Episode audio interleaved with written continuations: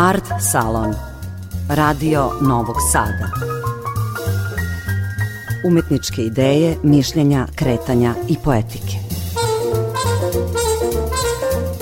Dobro večer, dragi slušaoci, ja sam Aleksandra Rajić, a ovo je Art Salon Radio Novog Sada, poslednji u 2022. godini, koju zatvaramo razgovorom sa Čedomirom Janičićem, istoričarom umetnosti, muzejskim savjetnikom Gradskog muzeja u Somboru i piscem. Kakav je Sombor kulturni ambijent i kako kao kustos dve i po decenije taj ambijent i neguje?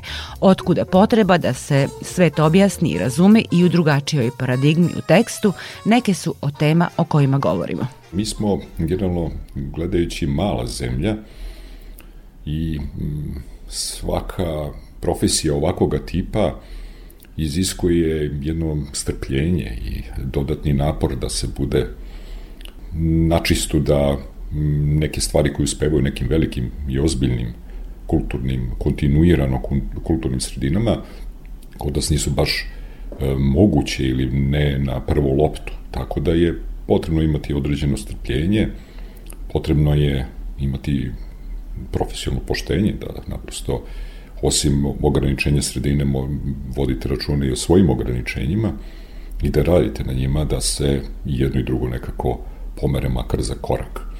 Mislim da je važno za ovu moju profesiju i za delovanje unutar jedne sredine je strpljenje. Upravo jedan kontinuirani dugotrajni rad bez nekog osvrtanja da li to sve zajedno ima smisla, kuda to vodi, da li mecene ili necene, kako to već obično biva, treba dati sve od sebe i nadati se onom najboljem i uglavnom rezultati ne nedostaju. E, da li vas je opredelilo, da li je eventualno išlo na ruku to što je Sombor ipak jedan prepoznatljiv ambijent kada je reč o slikarstvu, odnosno o likovnoj umetnosti? Pa, ono što sam već rekao, ja sam zbog privatnih stvari ponovo se vratio u Sombor, nisam imao uh, tu nameru, ali eto, tako se desilo. Uh, Sombor što se tiče jeli, umetnosti i kulture je prepoznatljiv na ovim prostorima, on nije bez institucionalne podloge, međutim 90. godine su i u radu institucija i ovde ostavile težak trag, tako da ja sam skoro rekao da sam čitav svoj radni vek proveo kao kustos u jednom tranzicionom društvu, jednom društvu gde se stvari menjaju, gde su vrednosti nestabilne i naprosto neodržive u neko duže vreme, ali to prestaje da bude izgovor za bilo šta, naprosto živite u, u, u takvom ambijentu, to je nešto što vas obeležava u, u epohi kojoj živite i trudite se da u tom okviru date najbolje. Dakle, da, jeste, Sombor jeste sredina koja prepoznaje e, kulturne vrednosti, koja je navikla u kontinuitetu na kulturne vrednosti, ali valja e, znati da je Sombor isto tako prolazio kroz različite periode, kroz različite društveno-političke, da tako kažem, e, okolnosti i od grada koji je bio recimo centar Bačko-Bodroške županije u jednoj državi postao je maltene slepo crevo u drugoj eh, menjale su se i ideološke matrice koje su ga činile, zatim eh, samo stanovništvo se promenilo migracionim talasima, imamo i danas migrante, jel da, koji dolaze sa nekih drugih kontinenta, dakle to je neki proces koji ne zastareva i nije ne završava se u, u, u vremenu, ali naprosto to su sve odlike jedne sredine i okviri u kojima morate da se dobro snalazite.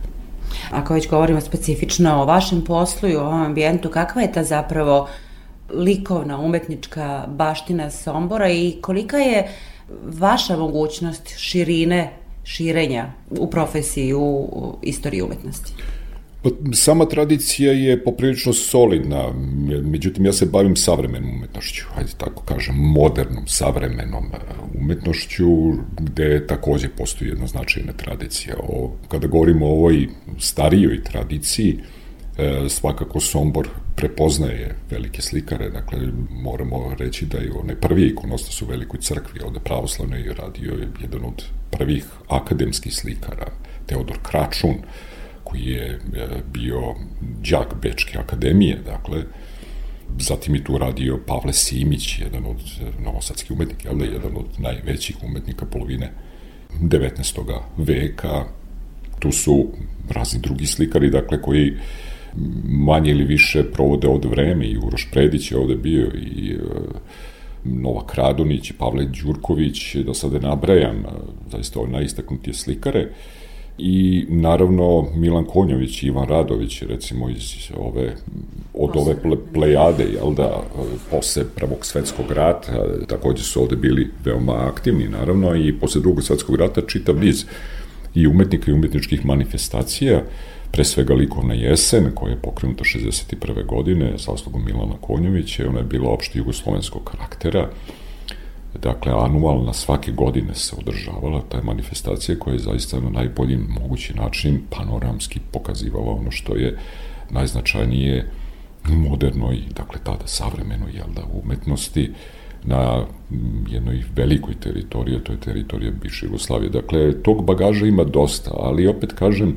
stvari je individualna, vi naprosto birate iz te tradicije e, čime ćete se baviti, šta vas, e, da tako kažem, uzbuđuje na stranu onaj rad koji sam ja dužan da radim ovde, to je briga o zbirci i popunjavanju zbirki i tako dalje, ali tim ličnim preferencijama Šta birate? Da, pa biram naravno e, ono što mi najviše prija, to je poratna umetnost, dakle posledno 45. do 90. godine, taj jugoslovenski prostor, i uopšte e, somborski odziv na tu situaciju koja je u mnogome bila blagonaklona prema modernim i uticajima i modernim umetnicima, tako da ima tu šta da se e, primeti, da se prouči, da se publikuje, a verujem da je to zanimljivo i za današnje generacije. Da, da jedna mala digresija, jedno neobično vreme, ja bih rekla, koje, kada je umetnost uh, pogotovo likovna umetnost, znala da protrese ne samo pojedinca, nego i društvo, ja bih rekla.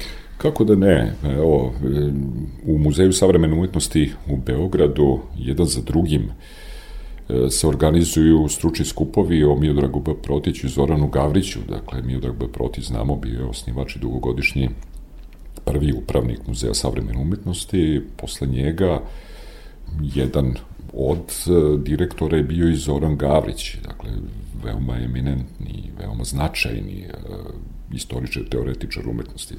Dakle, to su ljudi koji su ponikli zapravo u tom, da tako kažem, jugoslovenskom kulturnom prostoru koji je, kažem, opet bio blagonaklon prema modernim strujenjima, pa moguće ne samo zbog toga što je imao sluha e, za takav rukopis, za takav trend, da tako kažem, nego i moguće zbog toga što nije imao kud. Dakle, svaka tradicija koja se ispostavljala tada u opštem jugoslovenskom prostoru je bila pomalo preteća. Imala je s jedne strane nacionalni, s druge možda verski kamerton, što nije odgovarao naravno vlastima, tako da je Michel Ragon, francuski jedan teoretičar, rekao da je Jugoslavija jedna od redkih zemalja, ako ne i jedina, gde je moderna umetnost zapravo izvanična. Vi kad vidite zaista primere arhitekture, spomeničke skulpture, šta visi recimo po državnim zgradama od slika i tako dalje, vidjet ćete da je to moderno. Ne bismo mogli da zamislimo belu kuću sa Jacksonom Pollockom tamo, recimo, a ovde je recimo Palati Federacije visio jedan veliki lep lubarda, pobednik na bijenalima u Sao Paulo i učesnik bijenala u Veneciji, tako jedan najmodernijih umetnika 50. godina. Dakle, imamo tu vrstu kontroverze koja je nerazjašnjena do danas, ali je veoma plodna, dakle, tera nas da razmišljamo u određenim pravcima. A danas, kad rekli ste da se bavite savremenom umetnošću, kako bi se danas definisali taj prostor, kakva je, dakle, snaga savremene umetnosti da odgovara na ta neke pitanja koje društvo postavlja. Zapravo, savremena umetnost je teško, recimo, lokalno odrediti, pre svega danas u dobu globalnih e, medija, društvenih mreža, mislim da je nemoguće bilo šta više lokalno uraditi. I, tako da čim se nađete u tom prostoru, vi naprosto se nudite, jel da, na jednom širem, da potrebim taj izraz, globalnom nivou, tako da bilo ko koji je umrežen, jel da, i na ovoj zemaljskoj kugli može da dođe do, dopre do vas i da vas relativno lakim e, alatima, kao što su konvertori i tako dalje, shvati šta hoćete da kažete i, i da vas, e, da vas negde zapamti možda i da uđe u komunikaciju sa vama. Pa tako i umetnost. Umetnost e, danas je jedna i globalna i široka, sve više individualna pojava, teško je uspostaviti neke opšte trendove, opšte zaključke. Mislim da savremeni teoretičari, kritičari i odustaju od e, te, tih namera. E, jedino ukoliko se ne pozivaju na neke opšte, odnosno globalne trendove koji imaju veze sa nekim van umetničkim dešavanjima, kao što su recimo te pandemije, ne znam, e, ekološki problemi, problemi nasilja, recimo u porodici, e, zatim, e, recimo, migracioni talasi i tako dalje. Dakle, ali to su sve društveni problemi, dakle, to nemaju veze sa, sa samom umetnošću, odnosno imaju ukoliko umetnost reaguje svojim nekim jezikom na, na njih. Dakle, u tom smislu savremena umetnost jeste uključena u opštu konjunkturu, u opšte društvene dešavanja, ali čini mi se da izostaje onaj dragoceni individualni pečat. E, fale nam oni autori koji, koji, koji, će, koji imaju harizmu, koji, koji su nas nadaknjivali ranije. Više se nekako divimo o nečišćenju okeana nego samoći jednog autora u njegovom ateljevu ili gde već radi a da pritom budu nešto više od marketinga. Ima takvih autora, ali da, uglavnom da. marketing stoji iza nas. Šta od svega toga od savremene umetnosti dođe do Sombora i šta je to o čemu vi razmišljate i što posmatrate? Pa savremena umetnost se ovde pokazuje e, svega na nekoliko mesta. Jedno od mesta je i Galerija kulturnog centra koja je produkcijona galerija i pokazuje savremenu domaću scenu onoliko koliko je toj ustanovi u, u interesu i u, po planu i po uh, odlukama komisije koja na konkursu je li, raspisuje uh, poziv za, za izlaganje ali m, to je dragoceno zbog susreta sa recimo umetnicima sama umetnost danas je isto tako kao i bilo sve drugo pikselizovana mi se obaveštavamo i o domaćoj stranoj produkciji preko društvenih mreža, preko portala, preko direktnog, e, da, direktno, indirektnog e, puta, preko Zoomova, Skypeova i tako dalje. Pa videli smo kad je bila ova nesrećna e, korona, dakle ova, ova kriza sa, sa, sa, sa pandemijom, kako je sve zajedno funkcionisalo. Ja mislim da ta, taj način funkcionisanja nije išezao, da će on i dalje da bude negde dominantan. Tako da ovaj, savremena umetnost e, dolazi svojim objavama e, i vašim preferencijama. Dakle, ono što tražite, to ćete i da pronađete, ali morate naprosto sedeti za nečim uh, u, u, umreženi kako biste dobili ono što, što hoćete. I tako bismo recimo definisali posao današnjeg istoričara umetnosti, odnosno kustosa. E, da, to je sada, pa da, dobro pitanje, znači jedna nijansa pitanja šta je posao danas e, kustosa istoričara umetnosti, ušto je muzejskog kustosa, pa upravo to, e, s jedne strane, e, iz klasične leksike, dakle on jeste čuvar zbirke, jeste neko ko se brine o zbirci, ko nadopunjuje, ko je objašnjava, ko je publikuje, ali s druge strane mora biti i na neki način i PR menadžer, mora biti neko ko odgovara na e, sve individualnije zahteve korisnika, posetilaca, dakle ljudi dolaze u muzej, to je nesporno, ali muzej dolazi ljudima takođe u njihove kuće, u njihove domove ili gde već jesu, jeli, vi naprosto nastupate kao jedan menadžer informacija vezanih za baštinu i morate da budete načistu da je, da, da je svet globalizovan, da je sve na nivou informacija vaše, da te informacije sklopite najistinitije, najbolje što možete, da ne pređete neke crvene linije, da se sve ne pretvori u tabloidizaciju vašeg posla, ali sa druge strane i da ne mislite da ste toliko više privilegovani kao što je to bio ranije slučaj. Čedomir Janičić, kustos Gradskog muzeja u Somboru, gost je u Arcelonu. Poezija je njegov drugi jezik, objavljuje je u književnim i online časopisima, a knjiga pripovedaka Et in Arcadia Ego nosi naziv jednog motiva sa Pusenove slike. Kaže Charles Simić na jednom mestu da je pisanje poezije, pisanje e, uopšte danas bizarnost. Ja bih rekla da je vaš e, slučaj još paradoksalniji, dakle iz e, sveta umetnosti, iz sveta slike, iz jednog e, iz jedne dominantne paradigme, vi, evo, kao kreativac, odete u svet reči, zapravo u pisanu reč, u poeziju, u pripovetku, u, ako sam shvatila, čak i dramske tekstove, odnosno dramolete. Kako se desio taj pomak prema svetu reči? Pa ja sam prvo počeo da pišem, dakle moja prva i osnovna vokacija jeste bilo pisanje, još dok sam bio mali jedini način na koji sam stvarno komunicirao sa svojom okolinom bilo je pisanje. E, ali nastrano to, još za vreme mog adolescenskog doba nekako mi se učinilo da će moj poziv biti vezan za pisanje književno ili bilo kako drugo, onda sam tokom studija ustanovio da postoje tri vrste diskursa u ozbiljenog, dakle ono koje koji traga za istinom i kojem je istina nekako bitna, to su filozofsko, naučno i književno pisanje ili, ili diskurs, ajde je govor, nebitno. E, I meni je od uvek taj književni nekako diskurs bio najbliži. Mi pripadamo nekoj generaciji još uvek koja je svetonazor gradila e, preko književnih dela. Nije bilo tada interneta, mediji su bili prilično ograničeni.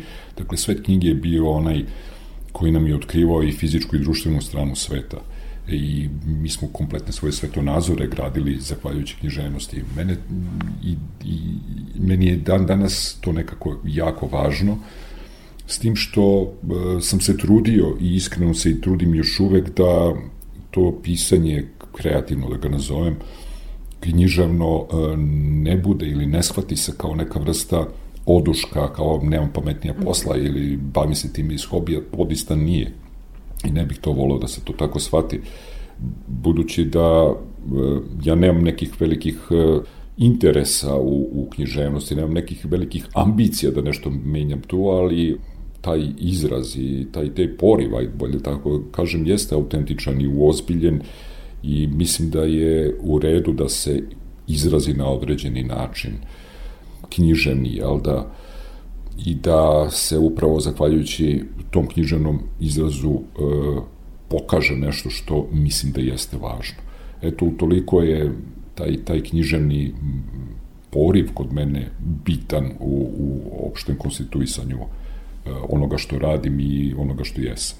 Govoreći o muzeju, prvo nam pada na pamet, dakle, jedan rad među duhovima prošlosti, a čini mi se da vas u tekstu, u pisanju kojim se bavite u književnosti, najviše oduševljava, uzbuđuje upravo ta metafizika nekog e, savremenog života, svakodnevnog života. Pa jeste, pisanje svako tog tipa polazi od neke subjektivnosti, dakle, odakle sam, kuda idem, šta radim ovde, dakle, to su pisanje, e, pitanja koja, koja svaki čini mi se pisac ovaj neminovno postavlja, ukoliko zaista želi da dopre do neke dubine i neke istine e, poriva koje ga tera na pisanje, e, pa čitav život, dakle i moje detinstvo i moja mladost i sve ono kroz što sam prolazio i u realnom iskustvu i onom imaginarnom igra ulogu, jel da? A što se tiče samih tema, one me pronalaze, ja ih ne tražim, one same dolaze, tako da Da li je to odakle? Ne, pa odakle? Pa da, iz medija, iz svakodnevnih situacija, iz nekog sećanja, iz e, nekih oštih zaokreta životnih, recimo, kao što su bile sad ove godine nesrećne ovaj, covid i tako da je ko je očekivao, na primjer, da će tako nešto se desi. To mi recimo bilo i tekako bitno da, da, da stavim prst na čelo i da kažem aha, znači cela ova priča može da se završi jako brzo, danas recimo. Ovaj, takav susret sa, sa sobstvenim krajem i uopšte krajem civilizacije u kojoj sam živeo, ovaj, e, više puta sam doživljavao, za našu generaciju kaže da je i ona koja doručkuje apokalipsu, dakle apokalipsa i apokaliptične stvari uopšte nisu tako redke, nažalost, u našim životima, ali ovo je, bar za mene, bilo previše indikativno, previše onako prst jedan koji mi je pokazao ovaj, da se sa nekim stvarima ne treba šaliti.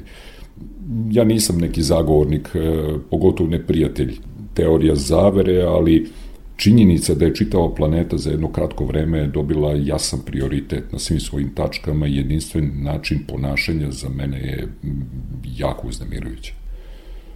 Naišla sam, opet još jedna digresija, naišla sam na jedan vaš dramski tekst o radiju. Imate li neki poseban odnos prema recimo radiju kao mediju ili je, kakav je povod bio recimo da nastane taj tekst? prozaičan, ovaj, ali ispalo je ok. E, moja sestra naime je pročitala o politici e, poziv za konkurs za radiodramu. I rekla je kao što ne bi se javio na to. Rekao ne da nisam to pisao nikad u životu, ne znam ni kako ide ta forma. Ali sećam se da, da jesam rado slušao radiodrame na Radio Beogradu i dopale su mi se jako dok sam bio intenzivni oko radijski slušac, na moju nesreću i na moju sramotu to nisam u onoj meri koje bi trebalo, pošto radijske emisije su veoma, veoma dobre. Zaista radio je jedan ovako još uvek nepomućeni medij gde, gde mogu da se čuju veoma dobre i pametne stvari. I autentična vrsta slika se dobija slušajući kako da radio. Da. Kako da ne, kako da ne. I radiodrame su jedan divan medij i ništa, nisam hteo ni da proveram kako to se zajedno ide. Palo mi je na pamet da jednu ideju koju sam imao i nisam nikako mogao da je sklopim ni u što drugo, e, sklopim kao radio intervju. U pitanju su dve devojke, mlade žene, jedna je radio novinar, novinarka, jel da? Druga je rock zvezda, A druga je e, rock zvezda u pokušaju, koja se nije realizovala, ali je demo zvezda, ajde, negde 90. godina i onda ide razgovor između njih dve i e, iz jednog ovako benignog razgovora se otkrivaju neke vrlo sumorne i strašne stvari koje pokazuju te godine zapravo u onome što su one bile. Tako da, e, To sam poslao u Radio Beograd i dobio sam, nisam dobio nikakvu nagradu, ali ušao sam u neki uži izbor i rekli su čak da bi bilo dobro i da, da, da, da, da to i realizujem. Ja sam se javljao da li će to biti ili ne, on, ništa nije bilo od toga. Ali to meni je pokolebalo, kao wow, čekaj, mislim, ono to sve zajedno nije loše, pa sam napisao još par nekakvih e, dramskih minijatura, uh, Jedna od njih je, Oskar je pojao Tamaru, tu sam se, dok sam pisao smeo, pošto mi je bilo jako smešno, to je neka vrsta patafizičke brzalica, onako u stilu žarija, na primjer, onako to, ja mislim da ima negde to objavljeno na proza online, recimo, na njihovim, na njihovom delu za dramu. Radio je super stvar. Pa sad, ova najnovija stvar koja je, koja, koja je objavljena na Sinkro portalu, uh, Nesta ptica, E, ona je zamišljena kao, kao, kao isto jedna, e, jedan radiodram o letu, onako, praktično nema slike, to je razgovor između dva, dva, dva lika. Ja preporučujem slušalcima da e, ako nalete na internetu na tu pesmu ili već na tu neku formu da je obavezno pročitaju. Da, da, da, da, Nestaptica, ovako im simpatičan naziv, ovaj u pitanju je jedna ovako malo neozbiljna stvar. Američki sportski novinari su to izmislili kao urbanu legendu, to je neka ptica imaginarna koja leti unazad i to u sve manjim krugovima dok ne uleti u svoju zadnjicu i ne nestane. Mislim, to mi je bilo jako zanimljivo kao naslov i onda je to neki razgovor između nekog nastavnika i njegovog biografa, nastavnik je postao poznat zato što je na, te, na televiziji se pojavio, njega su maltretirali učenici, pa on maltretira njih i tako dalje, dakle, e, ispalo je sad, čak i aktuelno zbog svih ovih dešavanja, to mi nije bila namera nikada, me same aktuelne neke stvari nisu zanimale, nego, ali činjenica se potrefe, eto tako. Dakle, u pisanju ste se, ako mogu tako da kažem, opredelili da prevashodno fikcionalizujete ili da svet oko sebe E, da li ima, meni se zapravo čini da, e, ili meni zapravo nikad nije dovoljno tekstova iz istorije umetnosti. Koliko tu uspevate da pišete i kakav je tu prostor koji bi, eto, valjalo osvojiti? Naravno, i, i, s tim što istoriju umetnosti valja posmatrati pre svega kao nauku. Dakle, vi morate se baviti određenim istraživanjima, određenom metodologijom, da je jasno svima u tom naučnom smislu šta se želi da kažete, da to kažete. Morate da imate recenzenta koji vas naprosto rukovodi da ne biste skrenuli levo ili desno, ja se toga nikada ne odričem, i sad u ovim godinama. Da, postoji forma eseja, ne morate ima, ima i to, ima i to tačno. Da, baš sam hteo da kažem da se uošte govor o istoriji umetnosti previše čini mi se akademizuje, da je previše vezan za fakultete, da je previše vezan za naučne institute, da nema onog slobodnog govora u onoj meri kako je recimo ranije to bio slučaj da se recimo likovna kritika pojavljuje u, u dnevnoj štampi, u medijima uopšte, E, da bude ovaj prijateljska, ali sa druge strane poučna, sa treće medijski atraktivna, dakle malo toga ima. Šta je razlog tome? Ovaj, pa možda i, i nedostatak inspiracije kod samih ljudi koji to pišu. Uh, E, što se mene tiče, 2018. godine sam napisao jedan, jedan tekst e, koji stvarno volim. E, to je o jednom lokalnom umetniku za kojeg se ispostavilo da ima 91 svoje delo u Centru Georges Pompidou u Muzeju moderne umetnosti u Parizu. Dakle, to nije ni on znao, to je bio Branislav Brankov. I mi smo napravili izložbu ovde u Subotici, trebalo je da idemo u Novi Sad, onda je se desio taj COVID i tako dalje E, to je jedna uzbuljiva priča koja je spojila zapravo ono što, što su moje neke knjižene preokupacije sa, sa mojim strukom. Čini mi se da ih je dovela nekako u najbliži odnos.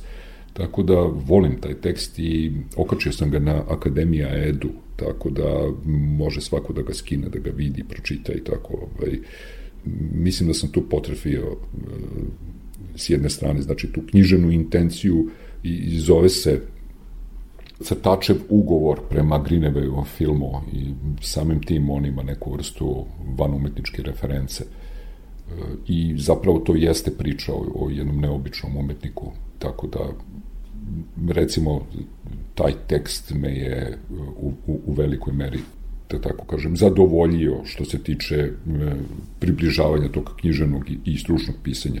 Drugi tekst je Konjović bez zidova, na primjer, u jednom zborniku manjem, kojeg je izdala Galerija Milan Konjović povodom izložbe Stepenica ka nebu. Tu sam recimo pisao Konjoviću 2.0, dakle Konjovića za 21. vek, pikselizovanog Konjovića, dakle Konjovića bez zidova. Naravno, to je neka vrsta paralele sa onom, onom knjigom Muzej bez zidova i idejom Muzej bez zidova Malorovom, gde se, zahvaljujući fotografskom i telematskom razvoju, razvoju reprodukcije, dakle muzeji otvaraju, one više nisu, znači samo neke skrivene riznice, nego se, jeli, nude širokom krugu interesenata. Ja sam to nekako ovaj, primenio na Konjovića, recimo to je to izgledalo dobro, to je imalo čak i neku vrstu fikcije ovaj, u sebi, možda malo više ošrafljene, ali nisam odolao. Tu da tačka između vas kao istoričar umetnosti i kao književnik. Pa kasno ovaj, dosegnuta, ja sam to držao s jedne strane poprilično odvojeno, sa druge strane nisam ni sam vole oko drugih kada te stvari mešaju. Nekako mi uvek bilo na pameti, pa hoćeš i da budeš e, prodavac deterđenata ili tenisar, ne možeš biti najbolji tenisar među prodavcima deterđenata i obrnuto, dakle, ono, moraš da odlučiš šta si, pa da, ovaj, trčiš u toj stazi među prodavcima deterđenta, da moraš da se potvrdiš tom veštinom, a ne što si dobar tenisar i obrnuto. Ali sad što sam, ajde kažem opet, stariji i iskustvo nekako drugačije, dozvoljava neku vrstu preplitanja i nadam se da neće biti neki veliki štete od toga.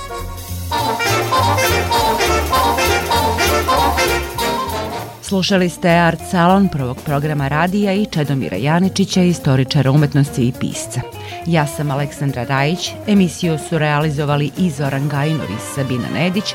Želim vam prijatnu noć i vedru i spokojnu godinu pred nama.